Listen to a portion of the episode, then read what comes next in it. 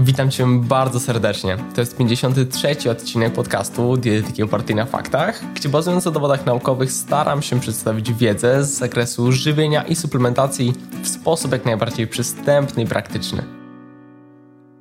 Mocno zastanawiałem się nad pierwszym odcinkiem w roku 2021. Myślałem, żeby jakoś nie podsumować zeszłego roku, nie opowiedzieć o postanowieniach, o planach, ale przyszedł mi do głowy pewien pomysł, który uznałem, że będzie dobry.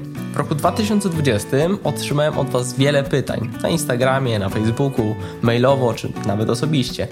Wiele bardzo ciekawych pytań i zauważyłem, że kilka z nich pojawiało się nadzwyczaj często. Pomyślałem więc, czemu nie zebrać je wszystkie razem i grupowo na nie odpowiedzieć w ramach najczęstszych pytań dietetycznych, jakie otrzymałem od Was w roku 2020. Bez wątpienia moja pamięć jest zawodna, nie jestem też w stanie wszystkiego przejrzeć, ale postarałem się coś wybrać i mam nadzieję, że okaże się to wartościowe. Zapraszam do materiału.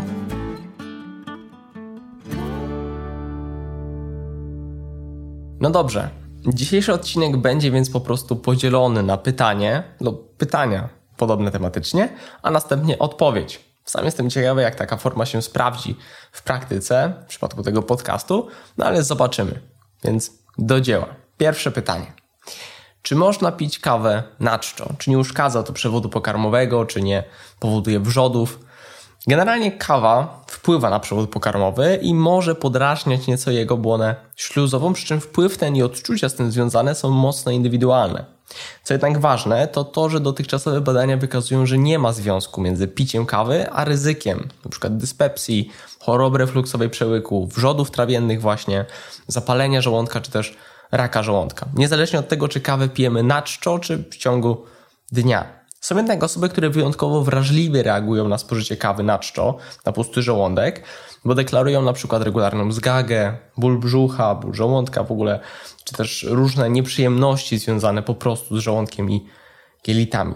Wówczas picie kawy na czczo nie będzie dobrym pomysłem i warto z niej zrezygnować i pić na przykład po posiłku, jeżeli oczywiście wtedy nie wiąże się to z takimi efektami. Jeszcze odmienną grupą tym zakresie są osoby już z chorobami przewodu pokarmowego. To już trochę sprawa dyskusyjna, bo może zależeć od konkretnej przypadłości. Niekiedy w ogóle się nie zaleca picia kawy, zarówno na czczo, jak i w ciągu dnia. Dlatego mocno generalizuję, ale raczej się odradza i chcę to zaznaczyć. Ale w innych przypadkach, gdy ktoś nawykowo pije kawę na czczo i nie odczuwa w związku z tym żadnych dolegliwości, to nie powinno okazać się problematyczne, Ogólnie niemniej uważam, że warto zadbać o nawyk, by po przebudzeniu sięgnąć raczej po szklankę wody, a nie kawy, ale to tylko takie moje osobiste wtrącenie. No dobrze. Pytanie numer dwa. Co suplementować rezygnując ze spożycia mięsa? Jeżeli chodzi o rezygnację tylko ze spożycia mięsa, a nie ze wszystkich produktów odzwierzęcych, to nie ma takiego niezbędnego składnika odżywczego, którego nie dałoby się pozyskać z innych źródeł. Chociażby jeżeli chodzi o witaminę B12, którą trzeba suplementować na diecie wegańskiej, no to jest ona obecna w jajach czy też produktach mlecznych. Rezygnując więc tylko ze spożycia mięsa, można ją dostarczyć właśnie z tych źródeł. Warto również zwrócić nieco większą uwagę na spożycie żelaza, bo może to być nieco bardziej problematyczne. Mm, przede wszystkim u kobiet, które mają większe na niego zapotrzebowanie. Ale o żelazie nagrywałem już cały obszerny podcast, także tam serdecznie zapraszam po więcej szczegółów, jeżeli ktoś jest zainteresowany, zostawię link w opisie tego odcinka. Pomijam w tej odpowiedzi też kwestie związane z tym, co wszyscy powinni suplementować, niezależnie od tego, czy spożywają, czy nie spożywają mięsa. E, I przede wszystkim chodzi mi tu o witaminę D na terenach Polski w miesiącach głównie jesienno-zimowych. Ale trzymając się jeszcze trochę tego wspomnianego wcześniej żelaza, to często otrzymuję pytania dotyczące wpływu picia kawy i herbaty właśnie na wchłanianie żelaza. Jaki trzeba zachować odstęp, czy wszystko tak wpływa, e, od czego to zależy i tak dalej. No to tak. To, co okazuje się problematyczne z punktu widzenia wchłaniania żelaza, to obecne w kawie i herbacie polifenole. W różnych badaniach ten wpływ na zaburzenie wchłaniania jest różny i wydaje się, że zależny od dawki. Im więcej wypijemy, czy też im mocniejsza jest kawa lub herbata, tym bardziej może w tym zakresie wpłynąć negatywnie. Przeważnie obserwuje się obniżenie wchłaniania o 30 do nawet 90%. To naprawdę, naprawdę dużo. Co też ważne to to, że sugeruje się, iż wpływ ten dotyczy żelaza niechemowego, a więc głównie tego obecnego w produktach roślinnych, a nie na przykład mięsa. Efekt ten jest jednak czasowy, można powiedzieć około posiłkowy. Ciężko niemniej powiedzieć, jaki konkretnie odstęp czasowy warto zachować między spożyciem posiłku bogatego w żelazo, a wypiciem kawy czy herbaty. To może zależeć od naprawdę wielu czynników, ale ogólnie im dalej, tym mniejszy po prostu wpływ. I co jeszcze pragnę zaznaczyć a propos tego zagadnienia, to to, że to nie zawsze jest problem. Powiedziałbym nawet, że niekiedy to wręcz zaleta. Chociaż było osób narażonych na nadmiar żelaza, na przykład mężczyzn spożywających sporo czerwonego mięsa czy podrobów, ale to tylko przykład. U niektórych faktycznie warto na to zwrócić uwagę, w szczególności gdy problem z żelazem ewidentnie występuje, ale u innych nie musimy się tym nadzwyczaj przejmować. No dobrze, kolejne pytanie. Co sądzisz o ostatnio mocno popularnych filmach na Netflixie dotyczących odżywiania? To ważne to, co powiem. Filmy z Netflixa nie powinny być źródłem wiedzy. Mogą być źródłem rozrywki, przyjemności, ale nie wiedzy. Niestety w obu mocno popularnych filmach występuje manipulacja danymi, wyciąganie takich pochopnych wniosków lub zwyczajnie nawet oszukiwanie oglądających. Dla przykładu, takie moje ulubione zresztą, porównywanie spożywania jednego jajka do palania pięciu papierosów dziennie to po prostu czysta fikcja literacka, a nie rzetelne dowody naukowe. Dużym problemem jest też wybiórczość autorów. Wywiady były prowadzone tylko ze zwolennikami diet roślinnych, u których brakowało obiektywnego podejścia do tematu. I zdecydowanie nie mówię tak dlatego, że jestem przeciwnikiem diety wegańskiej. Wprost przeciwnie. Mocno zachęcam do tego, by bazować na roślinach, a produkty odzwierzęce po prostu ograniczać. Uważam jednak za nie w porządku, zwyczajnie nie w porządku, tworzenie fałszywego obrazu produktów odzwierzęcych. Mogą one stanowić bardzo wartościowe elementy diety, bo zwyczajnie zdrowa dieta nie jest zero-jedynkowa. Można mieć zdrową dietę z mięsem i bez niego, z produktami odzwierzęcymi i bez nich. Zwyczajnie w tym zakresie rolę odgrywa znacznie więcej czynników.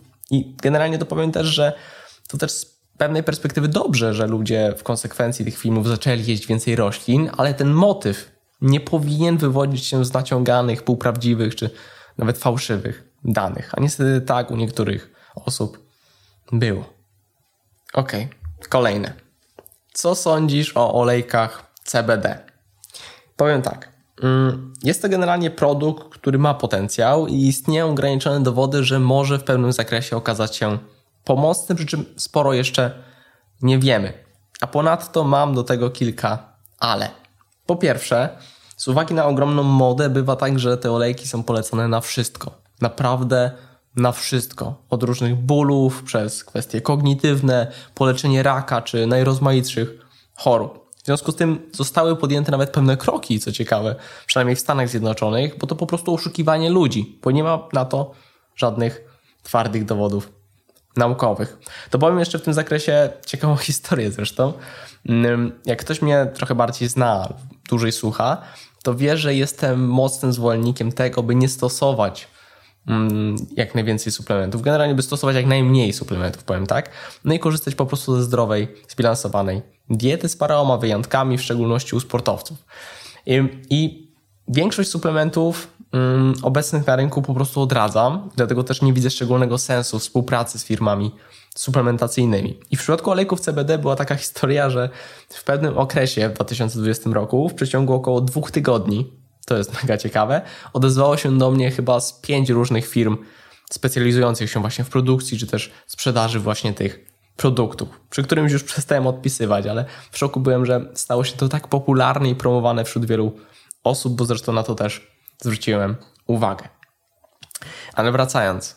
Po drugie, w świetle badań weryfikujących jakość dostępnych na rynku olejków CBD, większość nie była zgodna z informacjami zamieszczonymi na etykiecie. Zdarzały się też zanieczyszczenia, czy nawet za wysoka zawartość THC, więc trzeba na to naprawdę uważać. I po trzecie, istnieją przesłanki, by sądzić, że olejki te mogą oddziaływać z enzymami cytochromu P450, generalnie modulować metabolizm niektórych leków. Niedawno opublikowano taki ciekawy zresztą opis w przypadku 58-letniej kobiety z rakiem piersi będącej w remisji. I jak się okazało, CBD wpłynęło na działanie tamoksyfenu, leku, który przyjmowała. Więc jeśli przyjmuje ktoś leki i planuje brać CBD, to moim zdaniem powinien to skonsultować z lekarzem, bo generalnie mm, może być tak, że coś w tym zakresie już wiemy, ale jest też pewna szansa, że jeszcze nie wiemy na temat e, pewnych interakcji różnych leków, więc e, po prostu bym na to uważał. Tak jest moje zdanie na temat olejków CBD w tym zakresie. Ale lecimy dalej z kolejnym pytaniem. Mm, w związku z obecnie panującą sytuacją, jakie polecasz suplementy na odporność? To trochę przykre, że ludzie w dzisiejszych czasach na wszystko szukają tabletki, mm, bo no, na odporność wpływa wiele różnych czynników. Nagrywałem o tym zresztą podcast, również zostawię link w opisie, jeżeli ktoś jest e, ciekawy posłuchać na ten temat więcej informacji, ale z punktu widzenia dietetycznego fundamentalna jest zdrowa, pełnowartościowa, dostarczająca wszystkich niezbędnych składników odżywczych dieta. Wiem, że to nudne, oklepane i nigdy już nie chcę o tym słuchać, ale to po prostu kluczowe. Zamiast wertować stronę z suplementami w kategorii suple na odporność, sprawdź, czy dostarczasz wszystkie składniki odżywcze w odpowiedniej ilości. Obecnie uznaje się, że odpowiedni stan odżywienia ma bardzo ważne znaczenie dla rozwoju, utrzymania i ekspresji odpowiedzi immunologicznej. Mikroskładniki odżywcze, w tym kilka witamin, takich jak witamina A, witamina B6, B12, kwas foliowy, witamina C, witamina D, E, jak i również składniki mineralne, np. cynk, selen, miedź, magnez, wpływają i wspomagają każdy etap odpowiedzi immunologicznej, a ich niedobory mogą zwiększać podatność na choroby zakaźne. Nie można też zapominać zresztą o odpowiedniej podaży energii. Diety odchudzające, bardzo niskokaloryczne mogą w tej materii też być mocno niekorzystne. Ale wracając i odpowiadając na to pytanie, mm, to to, co przede wszystkim może mieć sens, to witamina D. Jej suplementacja jest wskazana. No i pewnym potencjałem charakteryzuje się też suplementacja cynkiem, kwasami omega-3 i probiotykami. Tu głównie zwraca się uwagę na szczep Lactobacillus salmonellosus GG, ale nie tylko. Mm, to kwestie też zresztą wymagają dalszych badań. Lecimy dalej. Mm, kolejne pytanie. Co spożywać przy wysokim poziomie cholesterolu?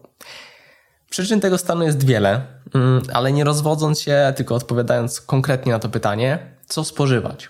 Tu przede wszystkim zwraca się uwagę na zmniejszenie, a najlepiej eliminację spożycia tłuszczów trans, a więc częściowo utwardzonych tłuszczów roślinnych, które coraz rzadziej występują w żywności, ale jednak jeszcze niekiedy są i trzeba na to zwrócić uwagę. Głównie takimi produktami narażonymi na ich obecność są produkty cukiernicze, słodycze czy też margaryny twarde. Dalej. Mm, zwraca się uwagę na zmniejszenie spożycia nasyconych kwasów tłuszczowych, a więc głównie tłustych produktów pochodzenia zwierzęcego, czy też tłuszczów tropikalnych, takich jak olej kokosowy czy olej palmowy.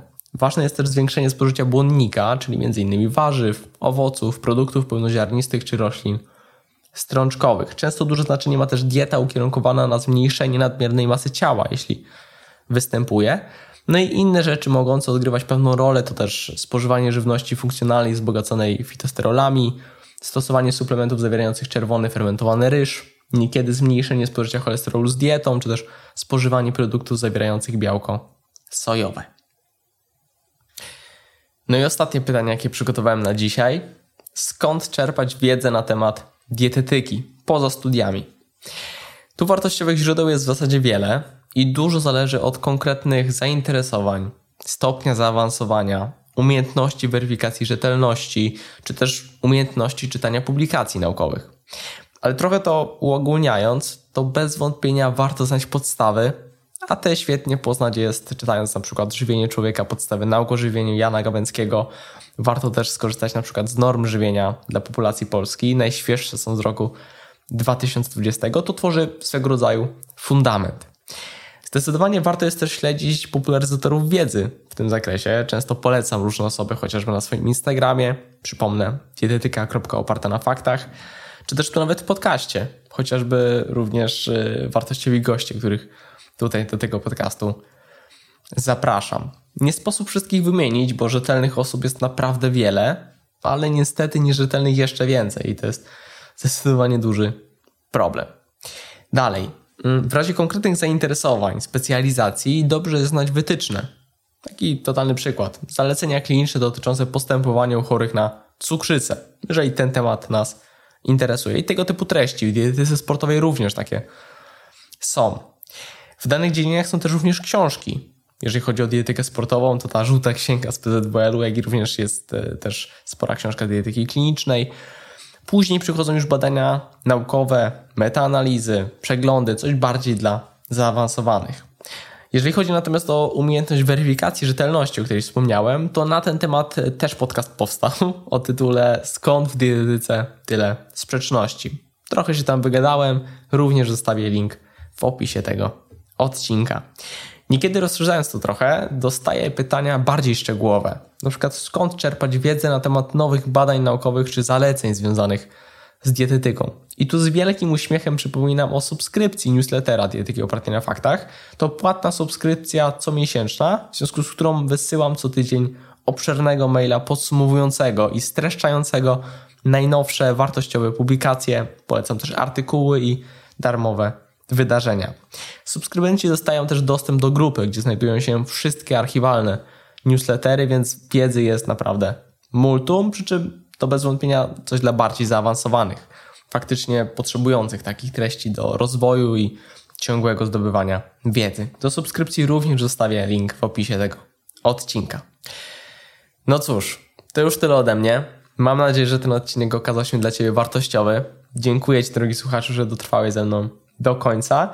Ale jeszcze przed zakończeniem pragnę życzyć Ci wspaniałego roku 2021, pełnego pasji, rozwoju, zdrowia, no i wszystkiego, co najlepsze.